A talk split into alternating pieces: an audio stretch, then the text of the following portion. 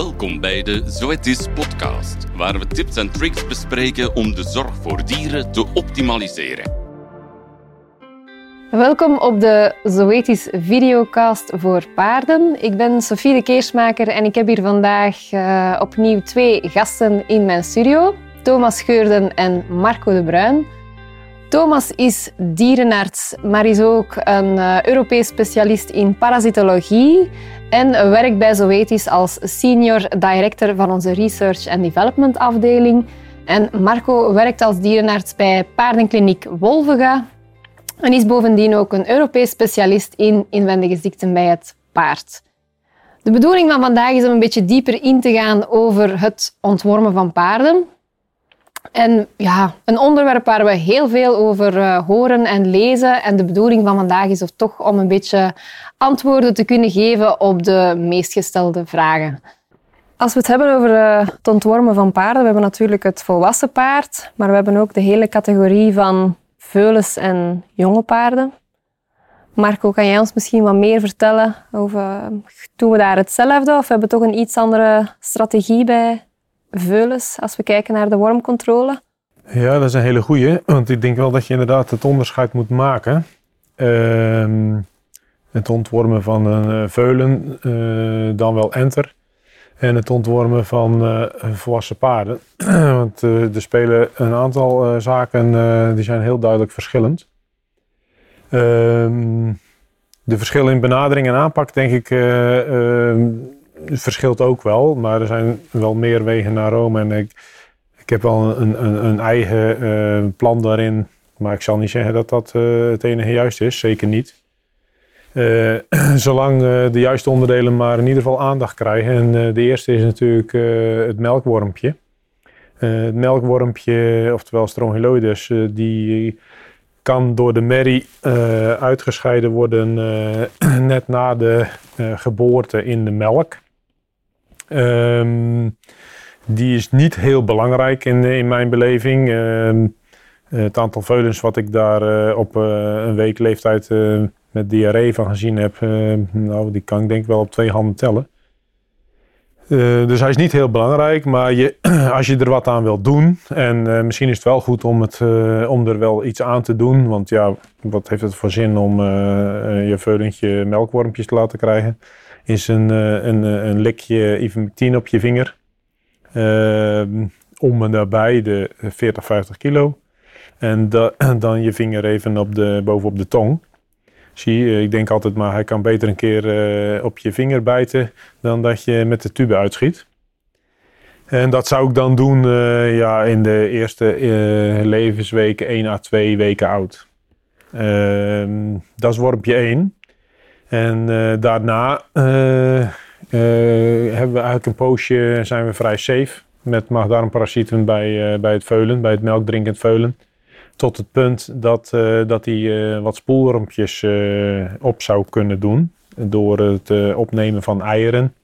dat kan ook heel goed in de box. Hè? Dus het maakt eigenlijk niet zoveel uit of hij nou in februari binnengeboren is of in uh, mei op de weide. Uh, de eieren kan die in beide opdoen en zijn in beide infectieus. En ehm, dan kan het cirkeltje vrij snel rondgaan. En dan, omdat die volwassen wormen grote eierleggers zijn, moet je daar wel eventjes goede aandacht aan, aan schenken. Eigenlijk van een leeftijd van ergens 4, 5 maanden tot, nou, tot wel twee jaar. En dan is eh, mijn advies eigenlijk van uh, ja, vanaf een leeftijd vanaf uh, vier, vijf maanden beginnen met iets tegen de spoelworm. En dan even kijken van wanneer gaat zo'n veulen ook naar binnen. Omdat de boxinfectie veelal hoger is, erger is, sneller gaat dan op een grote weide.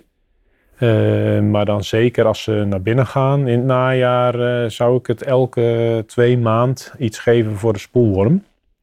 Dat is denk ik het voornaamste voor, voor het jonge paard. En kijk, het jonge paard, wanneer kan die eh, bloedwormen krijgen? Dan moet hij eigenlijk al uh, grazen om bloedwormlarven binnen te krijgen. En dan duurt het nog wel uh, zes, acht weken eer dat die in het veulen volwassen zijn geworden. En ook weer aan eierleggen toekomen. Dus eh, ja, als een veulen op zijn vroegst op ergens vier à acht weken wat begint te knabbelen in het gras, dan kun je, zou je in theorie daar twee maanden later met kleine bloedwormproblemen van kunnen krijgen. Maar ja, dan is hij inmiddels al wel ook vier, vijf maanden, zes maanden oud. Dus ehm, dan gaat die denk ik ook mee in het strategisch ontwormen om een keertje een uh, ivermectine te krijgen. Dus je zit uh, een beetje afhankelijk van wanneer het veulen geboren wordt en wanneer zijn weideperiode is. Denk ik dat je hem iets moet geven voor de kleine bloedworm als hij vijf, zes maanden is. misschien nog een keer als het een vroeg veulen is in het najaar. En voor de spoelworm, dat is een separate, eigenlijk een beetje een parallelle aanpak. Ehm, beginnen we op vier, vijf maanden en dan elke twee, drie maanden, afhankelijk van wanneer gaat hij naar binnen en is hij opgestald.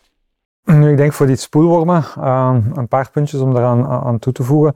en Marco heeft er ook naar gealludeerd, is dat zeer specifiek voor die spoelwormen de eitjes zijn zeer resistent en overleven zeer lang. Dus inderdaad, wat Marco zei van die boxen, bedoel een keer dat die gecontamineerd zijn, is het ook zeer moeilijk om die infectie daaruit te krijgen. Daar kunnen we misschien ook eens dieper over ingaan, hoe dat we dat kunnen doen. Um, ten tweede, wat ontworming. Uh, dus Marco zei uh, vier, vijf maanden. Uh, er zijn recent een aantal publicaties um, naar boven gekomen waarbij dat ze zeer specifiek aanraden van op vijf maanden te ontwormen, zeker. En eventueel ook op twee maanden. En te vermijden van op maand drie en maand vier te gaan um, ontwormen specifiek voor spoelwormen. En de reden daarachter is resistentieontwikkeling, omdat voor spoelwormen is dat, is dat inderdaad een groot probleem. En ze hebben kunnen aantonen dat inderdaad als je um, op drie en vier maanden zou ontwormen in plaats van op twee en vijf, dat je selectiedruk veel hoger is naar uh, resistentieontwikkeling. Dus daar zijn uh, uh, ja, een paar goede publicaties over verschenen die dat, die dat duidelijk kunnen aantonen. En denk ik ook, ja, uh, Marco zei vijf maanden zeer belangrijk, volledig akkoord. En dan die bijkomende op twee maanden kan, kan zeker ook uh, op bedrijven waar dat spoelwormen een groot probleem zijn, uh, in, als een optie worden gezien. En ik, ik hoor jullie praten over inderdaad de spoelwormen en dan anderzijds de, die bloedwormen en dat het in, in parallel gaat. Spreken we dan over dezelfde producten? Of, of dus uh, feitelijk heb je een, uh, voor jouw veulen een plannetje voor, uh, voor de kleine bloedworm. kan een klein beetje variëren naar wanneer die de wei op kan en hoe lang die dan op de wei loopt. maar feitelijk begin je dan met vier, vijf maanden iets te, iets te geven in de vorm van ivermectine voor kleine bloedworm. En dan gaat hij eigenlijk mee in het strategisch ontwormen. Dus dan zal die van de zomer nog een keertje moeten. En wellicht van de herfst. Uh, en je hebt, uh, daarnaast heb je een plannetje voor uh, de spoelworm. en daar begin je op vijf maanden met eigenlijk een ander middel, wat beter is voor de spoelworm. En dan in de weideperiode zal het niet zo'n vaart lopen. Maar zeker als je dan op stal komt, dan zou ik echt iedere twee maanden iets geven voor de spoelworm. Omdat uh, in de box kan een infectie heel snel, uh, uh, de infectiedruk, lees het aantal eitjes heel snel toenemen. en ehm, dan gaat hij het volgend jaar als enter de wei op. dan kan die eigenlijk voor de kleine bloedworm weer mee in het strategisch ontwormen. En voor de spoelworm zou ik dan zeker, als je dan als anderhalf, twee jaar weer op stal komt, weer elke twee maand iets geven voor de spoelworm omdat hij dan nog steeds gevoelig is aan spoelwormen. En uh, nog steeds ook het risico loopt met een uh, serieuze boxinfectie. Dus na twee jaar uh, zou je stoppen met behandeling voor spoelwormen. Dus het derde, het vierde en het vijfde jaar, dan, dan stopt u. Door de bank genomen is het zo dat de meeste paarden een keer als ze een jaar of drie zijn... wel redelijk wat weerstand hebben opgebouwd tegen de spoelworm. En er eigenlijk geen last meer van hebben. Dat gezegd hebbende zit daar ook nog wel een klein beetje individuele variatie in. Uh, om een voorbeeld te noemen, uh, het Friese paard, denk ik, blinkt niet uit in het uh, opbouwen van weerstand tegen de spoelworm. Daar zie ik ze op latere leeftijd ook nog wel eens. Dan zijn ze niet met heel veel, maar ze zijn er wel nog. En je bent ze toch liever kwijt dan rijk. Ik denk dat dat ja, grotendeels in lijn is inderdaad met wat dat SCAP ook voorschrijft. Is die, die spoelworm, dat een, een focus is tot, tot uh, ja, twee, drie jaar, laten we zo daarop af, af uh, en dan ja, die, die bloedworm, dat, dat begint heel vroeg. Ja, dat is levenslang opvolgen natuurlijk. Hè. Ja. ja. We horen nu ook veel meer van mestonderzoek doen en ontwormen op basis van mestonderzoek. Is dat ook iets dat toegepast wordt bij jonge paarden? Ik denk voor uh, je veulentjes, uh, die zijn sowieso natuurlijk iets kwetsbaarder. Hè, en een heel jong dier is, is kwetsbaarder. Denk ik dat je gewoon een, eh, een plan moet maken. En je moet dat plan wel monitoren met een mestonderzoek. Maar um, het is niet volledig gestoeld op het mestonderzoek. Dus het is een beetje omgedraaid dan bij het volwassen paard. Het volwassen paard kun je je plan opstellen naar gelang je mestonderzoek. Maar bij veulen denk ik dat je je plan aan de veilige kant uh, vooral moet houden.